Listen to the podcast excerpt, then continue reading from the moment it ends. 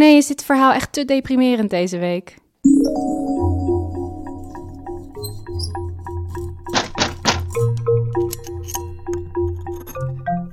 Al sla je me dood. Ik was vorige week weer even in Zeeland. Coronaproeven waren echt gewoon in, op een hutje op de hei eh, zonder mensen om ons heen. Echt super chill. Een hutje op het strand dan eerder op het strand, sorry. Maar echt in zo'n dorpje waar verder helemaal niemand is. Dus ik, heb, ik was echt, het was echt super relaxed om gewoon even uit de stad te zijn. Maar ik was dus eh, met mijn zoontje op het strand schelpjes aan het zoeken. En hij komt op een gegeven moment naar me toe met iets in zijn handen. En hij zegt, oh kijk eens mama, een hele mooie steen. Dus ik zeg, ja, ja, mooie steen. Dus ik pak het aan. En ik kijk er eens even goed naar. En het is gewoon een heel groot stuk bot wat hij gevonden heeft. Oh, Mhm. Je zag echt van die adertjes erin en zo, van waar de adertjes? ja, van die waar de bloedbanen waren. Dat zat er zo helemaal in, ge- een soort van relief erin. En het was eh, helemaal zwart al geworden en zo. Maar was het van een mens? Nou, dacht- nou, ik had geen flauw idee. Ik ben geen bot-expert. Maar ik zat de hele tijd met dat bot. Ik denk, ik vind het zo interessant. Maar ook heel erg raar. En ik wist niet of ik het nou moest laten liggen of meenemen of wat dan ook. Dus op een gegeven moment had ik het mee naar huis genomen, het botje. Oh ja. En ehm, het was echt een zo'n soort van, nou, een centimeter of 15 of zo. Het was echt Ja. best wel groot. En ik kwam ermee thuis en mijn man zei van, ja, dat is gewoon van een soort van schaap of een koe of zo, weet je wel. Dat is gewoon, ik weet niet waarom jij een stuk bot mee naar huis hebt genomen. Maar ondertussen dacht ik natuurlijk, dit is het bot van een mens. Ja, dat denk ik ook. Die is vermoord en overboord is gegooid in de zee. En dat lijk is soort van gedeeltelijk aangespoeld. En ik heb nu dus gewoon een clue in mijn handen Ja, voor een onopgeloste zaak. zeker. Ja, daar was ik helemaal heilig van overtuigd. Ik ook. Nou, toen had ik dat bordje even ergens laten liggen. En eh, een paar dagen later was ik het even vergeten, kwam ik het weer tegen. En toen was ik ineens helemaal in paniek, want ik dacht, oh my god, ik heb gewoon dus het scheenbeen van een mens in mijn huis.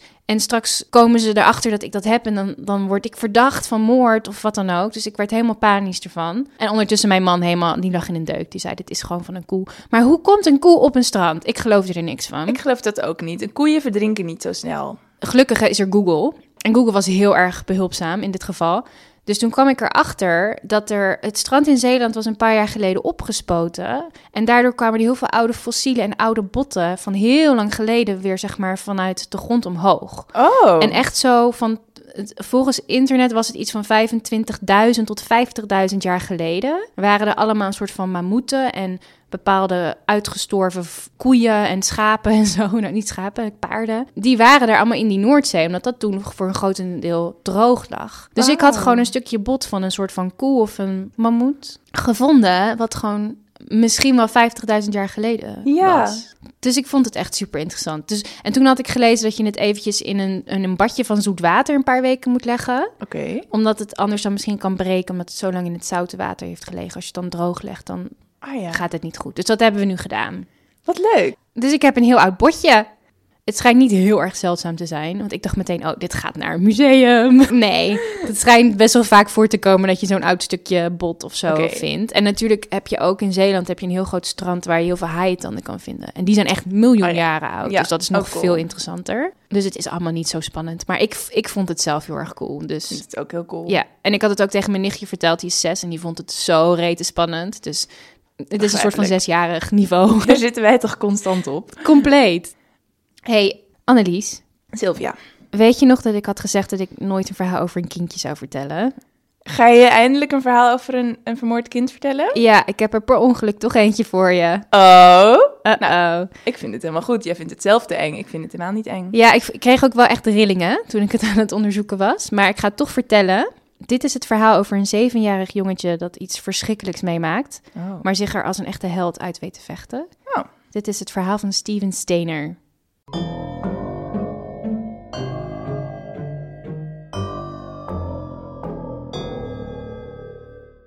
Even van tevoren, dit is een best wel heftige aflevering die gaat over ontvoering van een kind en ook over misbruik en heel erge psychologische manipulatie.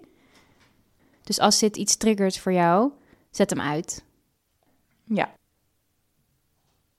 Steven Steiner is geboren in 1965 in Mercer, Californië. Dat is een klein dorpje met voornamelijk veel boerderijen. En hij is het derde kind van vijf kinderen. Hij heeft een oudere broer, Carrie, en nog drie zussen. Het gezin Steiner is niet bepaald een warm nest.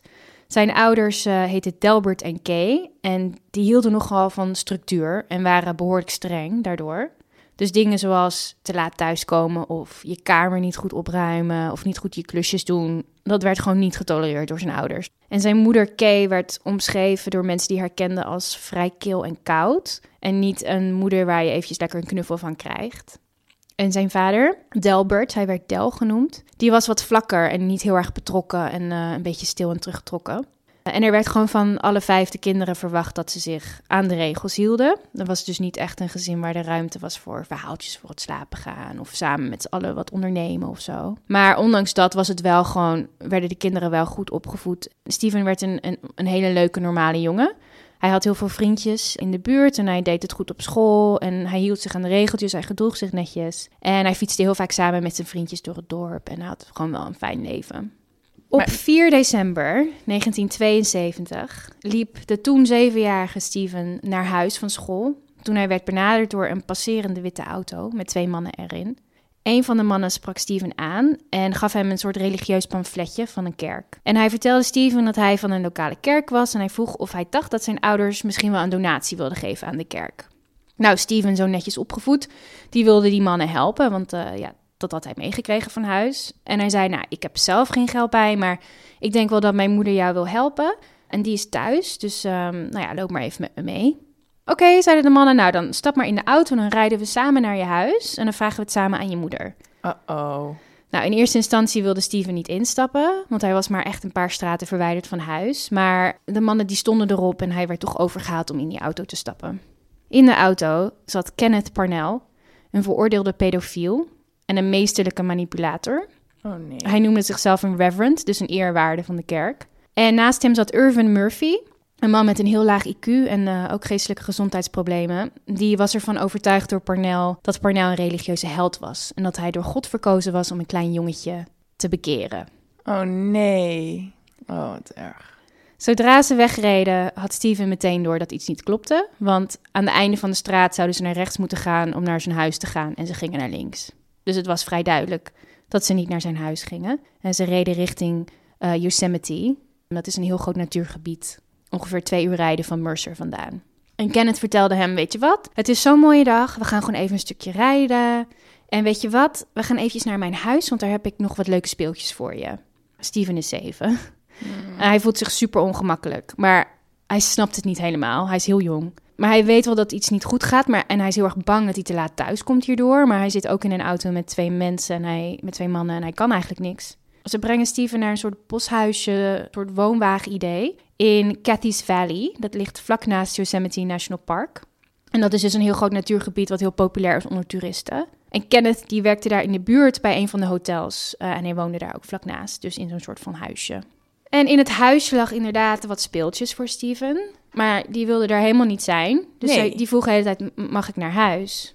Dus na een tijdje verlaat Kenneth Parnell het huis en gaat hij naar een telefooncel. Want in de jaren 70 had hij geen telefoon daar. En eh, na een telefoongesprek komt hij terug en hij zegt, weet je wat? Ik heb net je ouders gesproken. En ze hebben het eigenlijk heel erg druk met zoveel kinderen thuis en hun werk. En ze hebben liever dat je vannacht gewoon even hier blijft logeren. Wat gemeen. Wat ik echt verschrikkelijk vind aan dit hele gebeuren is dat het is niet een soort van vrede kidnapping zoals je dat meestal in een film ziet, dat eh, een kind meegesleurd wordt in een auto. Het is het verhaal wordt elke keer bedacht en gaat telkens een stukje verder. Zo van, we brengen je naar huis. Oh nee, we gaan even een stukje rijden. Oh nee, we gaan even speelgoed kijken. Oh nee, nu blijf je logeren. Je het is heel manipulatief de hele tijd. Ja, dus als een soort van jongetje van zeven snap je gewoon niet wat er aan de hand is. Nee. En daarbij gaf Kenneth Steven de hele tijd hoestdruppels, waarmee Oh. hij hem een soort half drogeerde. En Steven werd daar heel duf van en hij kon zich gewoon niet meer goed verzetten tegen alles. Hij kon niet meer goed nadenken. Oh, dit klinkt wel echt heel naar. Zo, nou, Ja. ik vind het best oké als er een keer een kind vermoord wordt, maar dit, dit gaat wel, echt meteen het allerheftigste wat je kan bedenken. Ja. Oké, mm. ja. Nou ja, hij werd dus stapsgewijs een soort van gemanipuleerd... totdat hij ook niet meer zo goed wist wat de waarheid was. En uiteindelijk na twee weken vertelt Kenneth aan Steven... dat hij zijn ouders heeft gesproken. En zijn ouders willen hem niet meer. Kenneth heeft hem vanaf nu legaal geadopteerd... en ze zijn nu vader en zoon. En Oh hij, my- geeft Kenneth, hij geeft Steven ook een nieuwe naam. Steven die wordt nu Dennis Parnell. Jesus. Oh, wat erg.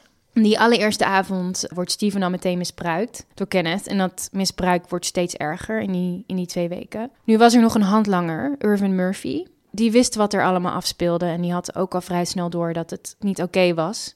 Maar elke keer als hij Kenneth ermee confronteerde, werd hij ook bedreigd en gemanipuleerd door Kenneth. En met zijn verminderde IQ ging hij er niet tegen in. Dat was die man die ook met de, in de auto reed. Ja, dat Ja. was de man die in eerste instantie Steven aansprak met die pamfletjes en die flyers. Nou ja, Kenneth vertelde hem dus, nou jij bent vanaf nu medeplichtig en als jij naar de politie gaat, dan vertel ik hen gewoon dat jij het allemaal hebt gedaan. En ja, Irvin die durfde niet meer daartegen in te gaan. En dit is echt een super wrang feit wat ik tegenkwam. Maar dus die Cathy's Valley, waar ze nu waren in die woonwagen. In datzelfde dorpje woonde Stevens opa van zijn moeders kant. Maar er was die relatie tussen de opa en de rest van het gezin was niet helemaal oké. Steven wist wel wie zijn opa was, maar hij wist niet precies waar die woonde. Maar het bleek dus achteraf dat hij echt gewoon maar een paar kilometer van zijn huis vandaan was. Oh. En al die tijd wist hij dat niet, dat hij vlakbij was en had kunnen weggaan. Ja, maar hij is natuurlijk ook zo gemanipuleerd dat zijn ouders hem niet meer willen. En het was natuurlijk al niet zo'n gezellig gezin. Dus dan klinkt dat misschien ook wel aannemelijk voor zo'n kind. Ja, Dus dan, ja, wat moet je dan? precies. Hij dacht waarschijnlijk niet eens dat zijn ouders naar hem op zoek waren of zo. Ja, misschien niet. Nou ja, ondertussen thuis ging Stevens familie, eh, daar, daar ging meteen de alarmbellen bij rinkelen toen hij niet thuis kwam van school. Want zoals gezegd, het was een streng gezin en kinderen kwamen gewoon niet te laat. Die waren gewoon op, op tijd thuis. Dus de politie werd direct gebeld en er werd meteen een onderzoek gestart.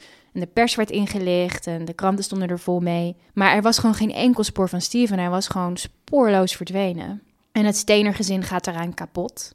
Ondanks de opvoedstijl waren zijn ouders er helemaal kapot van. Die waren echt gebroken. Dit is letterlijk de grootste nachtmerrie van elke ouder. Ja, toch? Ja. Hoe- ook al ben je niet misschien helemaal de beste opvoeder.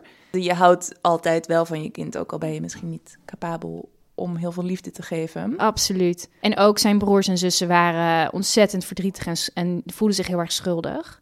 En zonder Steven thuis veranderde ook die hele gezinsdynamiek. Want Kay, zijn moeder, die werd nog stiller en teruggetrokkener en nog killer. En Del, zijn vader, was een soort van emotioneel wrak die de hele tijd moest huilen. En Carrie, de oudste van het gezin, de, de broer, die voelde zich heel erg schuldig uit een soort van... Ik had hem moeten schermen, beschermen, want ik ben een grote broer, dat gevoel. Ja, en niemand zei dus ook tegen hem van dit is niet jouw schuld. En zijn moeder negeerde hem half. En ja, de ouders waren denk ik niet capabel tot een soort van verlenen van emotionele steun om die kinderen daar doorheen te trekken. En En- Carrie kreeg ook last van trigotillomanie. Wat is dat? Dat is dat je uit een soort van obsessief-compulsief gedrag haar uit je hoofd trekt. Ah ja. Daar kreeg hij last van. Dus hij droeg de hele tijd petjes, want hij, was, eh, hij begon kaal te worden. En hij had ook last van ander obsessief-compulsief gedrag. En vooral op sociaal gebied kon hij gewoon niet meer aarden met zijn klasgenootjes en zijn leeftijdsgenootjes. Dus hij leed daar heel erg onder. Intussen waren er allemaal zoekacties, neem ik aan. Of zaten zij gewoon de hele tijd thuis, konden ze niks. Nee, er werd heel erg gezocht naar Steven. Maar er was geen enkele aanwijzing. Er was geen, het was ook natuurlijk in de jaren zeventig. Er was geen DNA, er waren geen ooggetuigen. Ze wisten alleen dat Steven op weg naar huis verdwenen was. Waarschijnlijk ontvoerd, maar door wie? Het was echt gewoon een doodspoor. En zijn ouders, die bleven heel vaak thuis. Die bleven vlak bij de telefoon in de hoop dat Steven ging bellen. En dat zij dachten van, Wat zij konden wat doen. zij konden doen. Nou, ondertussen na een paar weken vertrekken Kenneth Parnell en Steven uit Cathy's Valley. En dan gaan ze rondreizen door allerlei dorpjes door Californië. Uiteraard omdat Kenneth niet te lang op één plaats wil blijven voor het geval hij ontdekt wordt. In totaal verhuizen ze zo'n twaalf keer in zeven jaar. En overdag vervult Wacht Kenneth... even. Zeven jaar? Zeven jaar. Oké. Overdag vervult Kenneth een soort van vaderrol voor Steven, voor de buitenwereld. Maar s'nachts achter gesloten deuren wordt Steven misbruikt. Leken zij ook op elkaar, zeg maar, dat het logisch was dat hij zijn vader zou kunnen zijn? Ze waren allebei wit, qua gezicht niet heel erg, nee. Maar als je de moeder niet ziet, ik weet niet of je dan zou denken, ik weet het niet. Nee, En ze dat- woonden ook altijd heel erg in hele kleine dorpjes, heel erg achteraf gelegen. Dus er waren ook niet heel veel mensen om hen heen.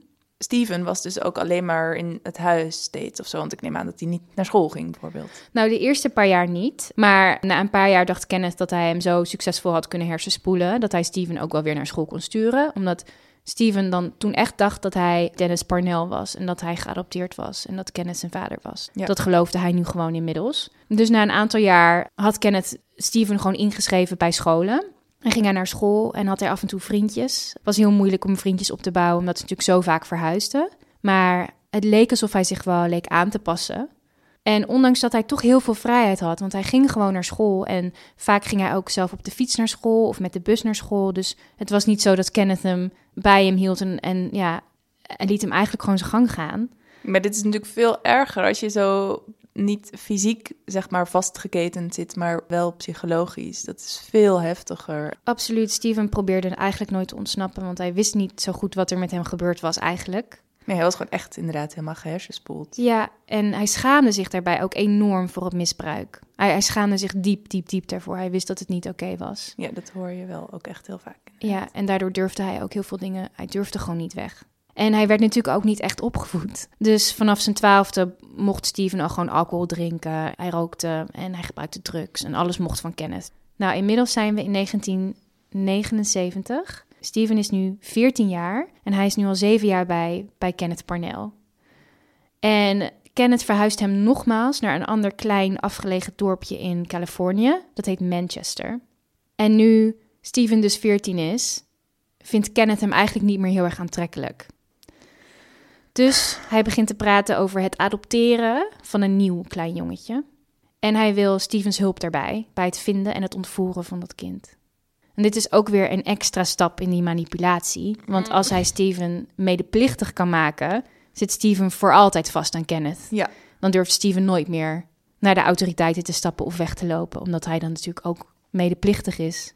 Dus het was eigenlijk een soort van poging tot extra controle. Nu Steven volwassen werd en ook fysiek groter werd en hij hem gewoon niet meer zo goed kon bedwingen, was dit een soort van: oké, maar dan ga ik je op die manier onder de duim houden. En het is natuurlijk ook extra manipulatie dat je, dat je zegt ook tegen iemand: je bent niet meer goed genoeg voor mij nu.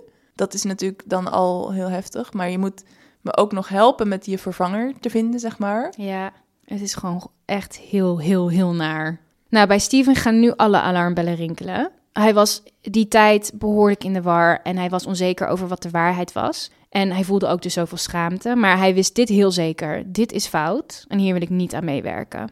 Uiteindelijk vindt Kenneth een vriend van Steven van school bereid om hem te helpen. En op een dag komt hij thuis met de vijfjarige Timothy White. Dat is ook heel heftig. Dus Kenneth heeft een vriendje van school, van die dan ook 14 is of zo. Ja, Die gaat hem wel helpen. ja die jongen wist waarschijnlijk niet wat, waar hij mee bezig was, denk ik. Nee. kon er niet zo heel veel over vinden. Maar hij, hij komt dus thuis met de vijfjarige Timothy White, die ze ook hadden meegelokt terwijl hij op weg naar huis was van school. Voor Steven is dit echt verschrikkelijk, want hij ziet zijn eigen lijdensweg soort van terugweerspiegeld naar hem door die Timothy. En begrijpt misschien opeens ook dat het allemaal echt niet oké was en dat hij dus gemanipuleerd is. Absoluut, ineens begrijpt hij dat hij gewoon wel een andere familie heeft gehad al die tijd, die hem misschien niet weg wilde doen. Hij kan het niet aanzien om Timothy zo te zien lijden. Dus hij zegt tegen zichzelf, dit, dit gaat niet gebeuren. En hij, na twee weken heeft hij zoveel moed verzameld. Want hij, ja, het kost natuurlijk heel veel moed om uiteindelijk toch die stap te zetten. Terwijl Kenneth naar zijn werk gaat, neemt Steven Timothy mee. En ze liften samen terug naar Ukiah. En dat is het stadje ook in Californië waar Timothy vandaan kwam. En Steven had alle intentie om Timothy gewoon naar zijn huis terug te brengen. En hem gewoon zeg maar voor de voordeur te zetten. En gewoon aan zijn ouders weer terug te geven. En dan Maar- zelf terug te gaan. En dan zelf terug te gaan. Oh. Eenmaal in Ukiah weet Timothy helemaal niet waar hij is en waar zijn huis staat. Want Timothy is vijf. Dus hij, hij weet het gewoon niet. Dus ze lopen urenlang rond in dat stadje. En op een gegeven moment denkt Steven, oké, hier komen we niet verder mee. Dus hij besluit om Timothy af te zetten bij het politiebureau. Dus hij duwt Timothy als het ware naar binnen en gaat dan zelf achter een bosje zitten te kijken of het goed gaat. Nou, Timothy is helemaal overstuur en hij rent direct naar buiten en direct weer op Steven af. En de politie ziet dat natuurlijk gebeuren. Die ziet zo'n klein jongetje naar binnen rennen en wegrennen. Dus die gaan er achteraan.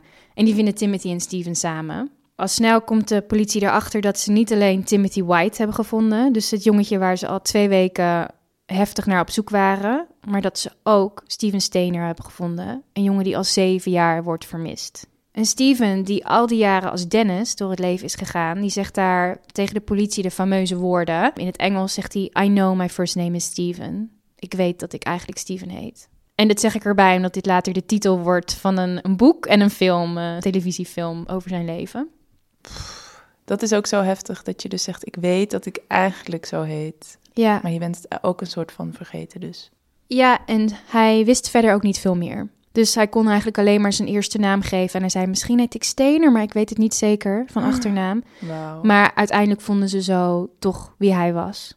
En was hij ook een beetje vergeten wie zijn familie was en zo? Ja, nou, Steven werd weer herenigd met zijn familie. En ik zag eh, een interview met hem, dat ik op YouTube gevonden, een clipje waarin hij zei... Ja, mijn vader herkende ik meteen, mijn moeder ook wel... Maar zijn broertjes en zusjes had hij geen flauw idee Oh ja. meer van. Die herkende hij niet. Dat is erg. En hij wordt ook als een, gewoon als een enorme held onthaald. En het verhaal gaat het hele land over. Want hij heeft natuurlijk gewoon dat vijfjarige jongetje gered uit de klauwen van een enorme pedofiel.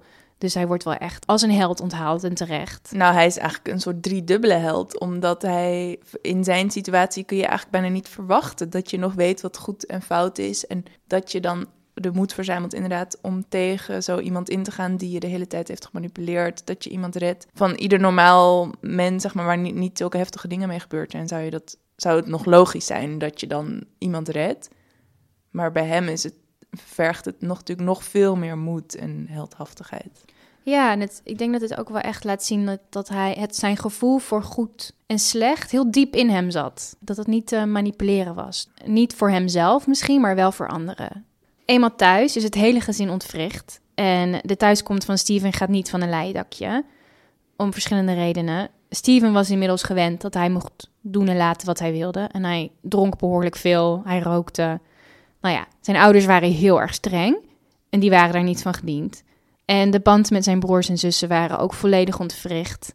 Want ja, hij had een jonger zusje. Dat jongere kindje herkende hem gewoon niet. Die wist niet wie hij was, want die was zo klein. Ja. En de ouderen, die hadden ook een soort van last ervan. Vooral zijn grootste broer Carrie. Die was al die jaren heel erg gebukt gegaan onder een soort van gevoel van afwijzing van zijn ouders. En nu zijn broertje terug is en als een soort van held onthaald wordt, voelt hij zich nog meer afgewezen door zijn familie en nog eenzamer. Dus die twee, die konden ook niet meer met elkaar overweg daardoor. Het, het gevoel van de ene is zo... Er wordt zo niet naar omgekeken, die wordt zo genegeerd. En de ander wordt echt als een held onthaald. En iedereen is heel blij dat hij thuis is. Maar er is ook heel veel ruzie, omdat hij niet meer naar de regeltjes wil luisteren. Het was gewoon, eh, die, dat contrast was gewoon heel zwaar voor allebei. Ja, het is ook niet echt een lekker warm onthaal. Steven zei zelf in een interview met Newsweek: Alles is veranderd. Soms geef ik mezelf de schuld. Ik weet niet of ik wel naar huis had moeten komen. Misschien was het beter geweest als ik dat niet had gedaan. Wauw. Dus dat het misschien thuis gewoon nog erger was dan bij... eh, Nou, en als Steven ook weer terug naar school gaat, wordt hij daar verschrikkelijk gepest. Jezus, het wordt echt alleen maar erger en erger. Er werd namelijk heel erg gespeculeerd in de pers over waarom Kenneth Parnell Steven al die jaren had. En er wordt natuurlijk gepraat over misbruik dat Steven al die jaren heeft ondergaan. En kinderen zijn regelrechte monsters. Dus op het Ja. schoolplein werden de meest verschrikkelijke dingen naar hem geroepen over zijn seksualiteit en over het misbruik. Het pesten was echt genadeloos, schijnbaar. En hij ging er helemaal aan onderdoor. En niemand had dus bedacht om even hier enorme slachtofferhulp op te zetten of zo. Nee, hij had eh, totaal geen psychologische hulp. Zijn ouders vonden dat het niet nodig was. What the fuck? En Steven zelf zei, hij werd zo vaak benaderd door journalisten. En elke keer deed hij zijn verhaal. Op een gegeven moment had hij tegen een van de journalisten gezegd, die zei van, maar heb je geen hulp gezocht? Hij zei, ik hoef niet met een psycholoog te praten, ik praat wel met journalisten. Wauw. Ja, dus daar deed hij al zijn verhaal. Maar zoals ik al zei, hij schaamde zich heel erg voor het misbruik. Dus dat, dat wilde hij niet toegeven. Dus hij Ja. ontkende in alle toonaarden dat hij misbruikt was door Kenneth. En Timothy ook. Schijnbaar had hij wel kunnen voorkomen in die twee weken dat Timothy misbruikt werd door Kenneth. Oh Dus ja, dat jongetje was niet misbruikt. wat goed. Naar wat we weten. Dus phew, dat is in ieder geval een lichtpuntje in dit verhaal, een soort van. Zijn vader reageerde ook heel slecht op die geruchten over misbruik. En ja, natuurlijk weet je als vader dat dat is gebeurd. En die wees Steven daar eigenlijk soort van volledig op af. Hij behandelde hem alsof hij een soort van beschadigd was. En eh, Steven kon daar absoluut niet tegen. En die schaamte zat zo diep dat hij daar niet over durfde te praten. En ondertussen was er natuurlijk nog een varkentje dat gewassen moest worden. En dat is die Kenneth Parnell. Ja. Die was uiteraard opgepakt. En die moest veroordeeld worden voor die ontvoeringen voor zowel Steven als Timothy. Maar omdat Steven niet wilde praten over het misbruik Oh. en Timothy niet misbruikt was, konden ze hem alleen aanklagen voor die twee ontvoeringen. En Kenneth had een heel erg goede advocaat. Dus uiteindelijk kreeg hij voor die twee misdaden, kreeg hij uiteindelijk maar zeven jaar cel, waarvan hij er maar vijf jaar uit zat. Dus laat het even op je inzinken. Vijf jaar, dat is korter dan de tijd dat Steven door hem ontvoerd en misbruikt Ja. was. Oh. In 2003, toen Kenneth 71 was en ziek en oud genoeg was dat hij thuiszorg nodig had, vond hij tijd voor een nieuw jongetje. En hij probeerde een zorgverlener ervan te overtuigen dat hij een vierjarig jongetje voor hem moest ontvoeren. Nou, deze zorgverlener die ging daar uiteraard niet in mee. Dus Kenneth werd gearresteerd voor poging tot ontvoering. En een jaar later werd hij voor deze poging veroordeeld tot levenslang. Oh, huh? Dus hij kreeg levenslang voor het opperen van het idee dat hij iemand wilde kidnappen. Versus de vijf jaar cel die hij kreeg voor twee echte ontvoeringen van zeven jaar. Waarvan één van zeven jaar. Oké. Ik denk nou, dat- Het is heel goed dat hij eh, levenslang de cel in gaat, daar niet van. Dat is volledig terecht. is natuurlijk ook wat tijd tussen. Dus eh, er zit twintig jaar tussen de ene veroordeling en de andere. En heeft hij dan in die tussentijd eigenlijk ook kinderen ontvoerd en misbruikt? Eh, niet dat we weten. Gelukkig, deze gigantische klootzak die stierf in 2008 in de gevangenis. Heel goed. Doei. Zeg maar, dit is eigenlijk misschien wel voor het eerst dat ik denk, nou, doe daar maar even een kogel in die kop. Zeg Maar bij alle andere mm, dingen die we besproken hebben of waar ik eh, zeg maar buiten de podcast om over hoor, denk ik altijd oké, maar het is ook, ik ben ook tegen de doodstraf. Ja, ik denk ook, kwij maar lekker weg in een hoekje. Maar ik heb je natuurlijk nu wel een heel eenzijdig beeld gegeven van Kenneth. Ik weet niet zoveel over hoe hij is opgegroeid en Ja. opgevoed. En wat we wel natuurlijk vaak zien is dat er een, een cyclus van misbruik is. Betekent niet dat hij, ik weet niet of hij, ik, ik weet gewoon helemaal niks over zijn jeugd. Dus nee, maar het zal niet ook inderdaad niet heel gelukkig ik, geweest ik denk zijn. niet dat hij nou zo'n geweldige jeugd heeft gehad. Maar goed, ik wil gewoon even zeggen, dat was een eenzijdig beeld waarvan jij nu denkt, oké, doei. Klopt, heel terecht dat je dat zegt. Want de- eh, waarschijnlijk als we zijn hele verhaal zouden weten en kennen, dan zouden we er toch ook weer anders over denken. Ja, ja, misschien. En misschien niet. Nou, even terug naar Steven. Steven werd nooit meer helemaal de oude. En die bleef de rest van zijn leven last hebben van PTSD, depressies en alcoholisme. En door de vele ruzies thuis verliet Steven al heel snel het ouderlijke huis. Dus hij heel jong ging hij op zichzelf wonen. En door al het gepest op school ging hij ook niet de middelbare school afmaken. Daar kapte hij ook mee. Dat snap ik heel erg. Ja. Op zijn negentiende trouwde hij met zijn vriendinnetje, Jodie. En ze kregen al snel twee kinderen. Hij bleef wonen in Merced, Californië, dus het dorpje waar hij geboren en getogen was en waar zijn fam- familie woonde. En hij werkte in de Pizza Hut. Op 16 september 1989, negen jaar na zijn bevrijding, rijdt Steven op zijn motor terug naar huis na een shift bij de Pizza Hut. Het regende en zijn helm was gestolen, dus hij reed zonder helm. Een auto rijdt zonder te kijken een oprit af en Steven rijdt er volop tegenaan en vliegt over de auto heen en belandt op zijn hoofd. En hij sterft ter plaatse. 500 mensen wonen zijn begrafenis bij en Timothy White, het jongetje dat hij gered heeft, inmiddels 14, droeg de kist. Ja, je- moet huilen. ja. Ja, het is een heel, heel naar verhaal. Het is zo zielig. Ja. Het wordt nog naarder. Oh. Want weet je nog, zijn grote broer Carrie, die gaat zo gebukt onder het hele verhaal van Steven, dat hij uiteindelijk ook zelf volledig ontspoort. En hij wordt een seriemoordenaar. What the fuck. Maar daar ga ik in de volgende aflevering over vertellen. Ja, dat lijkt me goed voor een heel een nieuwe aflevering. Oh nee, je helpt echt. Ja. Oh nee. Ja, dit is toch echt heel zielig. Ja, het is heel, heel, heel naar. En dan, want dat je dan hoopt, zeg maar, dat oké, dat hij dan uiteindelijk nog wel hulp gaat zoeken wanneer die wat ouder is. En dat hij er dan, weet je wel, want het klonk zo van, oh, hij dan gaat hij trouwen met zijn vriendinnetje en ze krijgen kindjes. En dan natuurlijk blijft het dan een soort heel groot trauma, maar misschien krijgt hij gewoon rust en toch nog een mooi leven of zo hierna. Maar dat dat dan dus ook niet hem gegund is. Nee, het is heel Maar verschrikkelijk. Toen ik het ging researchen, dacht ik, oh, maar dit kan ik wel aan, want hij wordt gered, hij redt zichzelf. En dan, ga je, dan verdiep je je erin. En dan denk je, Ja. nee, dit is geen goed aflopend verhaal. Nee. Sorry allemaal. Zullen we het maar even hebben over tips? De grote wat moet je doen als je bijna vermoord wordt tip. Kaboing. In een vorige baan ben ik ooit een keer iemand tegengekomen.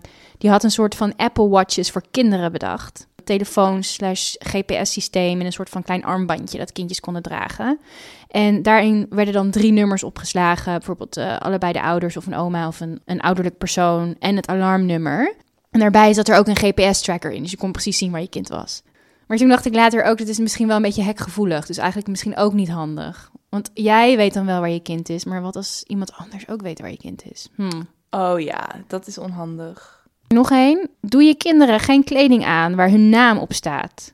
Dus bijvoorbeeld van die schattige vestjes waar hun naampjes op geborduurd zijn. Dat kun je heel goed gebruiken om te manipuleren. Yes, want kinderen die vertrouwen mensen eigenlijk al als zij hun naam weten. Dus als je tegen iemand zegt, oh hey Annelies, weet je wel, als, als ouder zijnde tegen een kindje, dan denkt dat kindje, oh ik moet jou wel kennen. Ik ben klein, ik vergeet dingen, maar jij kent mij wel. En dan gaan ze, zijn ze veel sneller geneigd om met iemand mee te gaan. Dus doe dat niet. Dat is echt een goede tip. Ja. Je hebt van die soort van, uh, van die lijntjes waar je zo, dat je zo aan je kind een capuchonnetje zo een clipje kan doen en dan zelf in je hand vasthouden. En dan kan hij echt nooit meer uit je, uit je zicht verdwijnen. Dan kan je hem uitlaten als een soort van konijntje. Dat ga jij nu doen, hè? Ja. Oké, succes. Doei. Doei.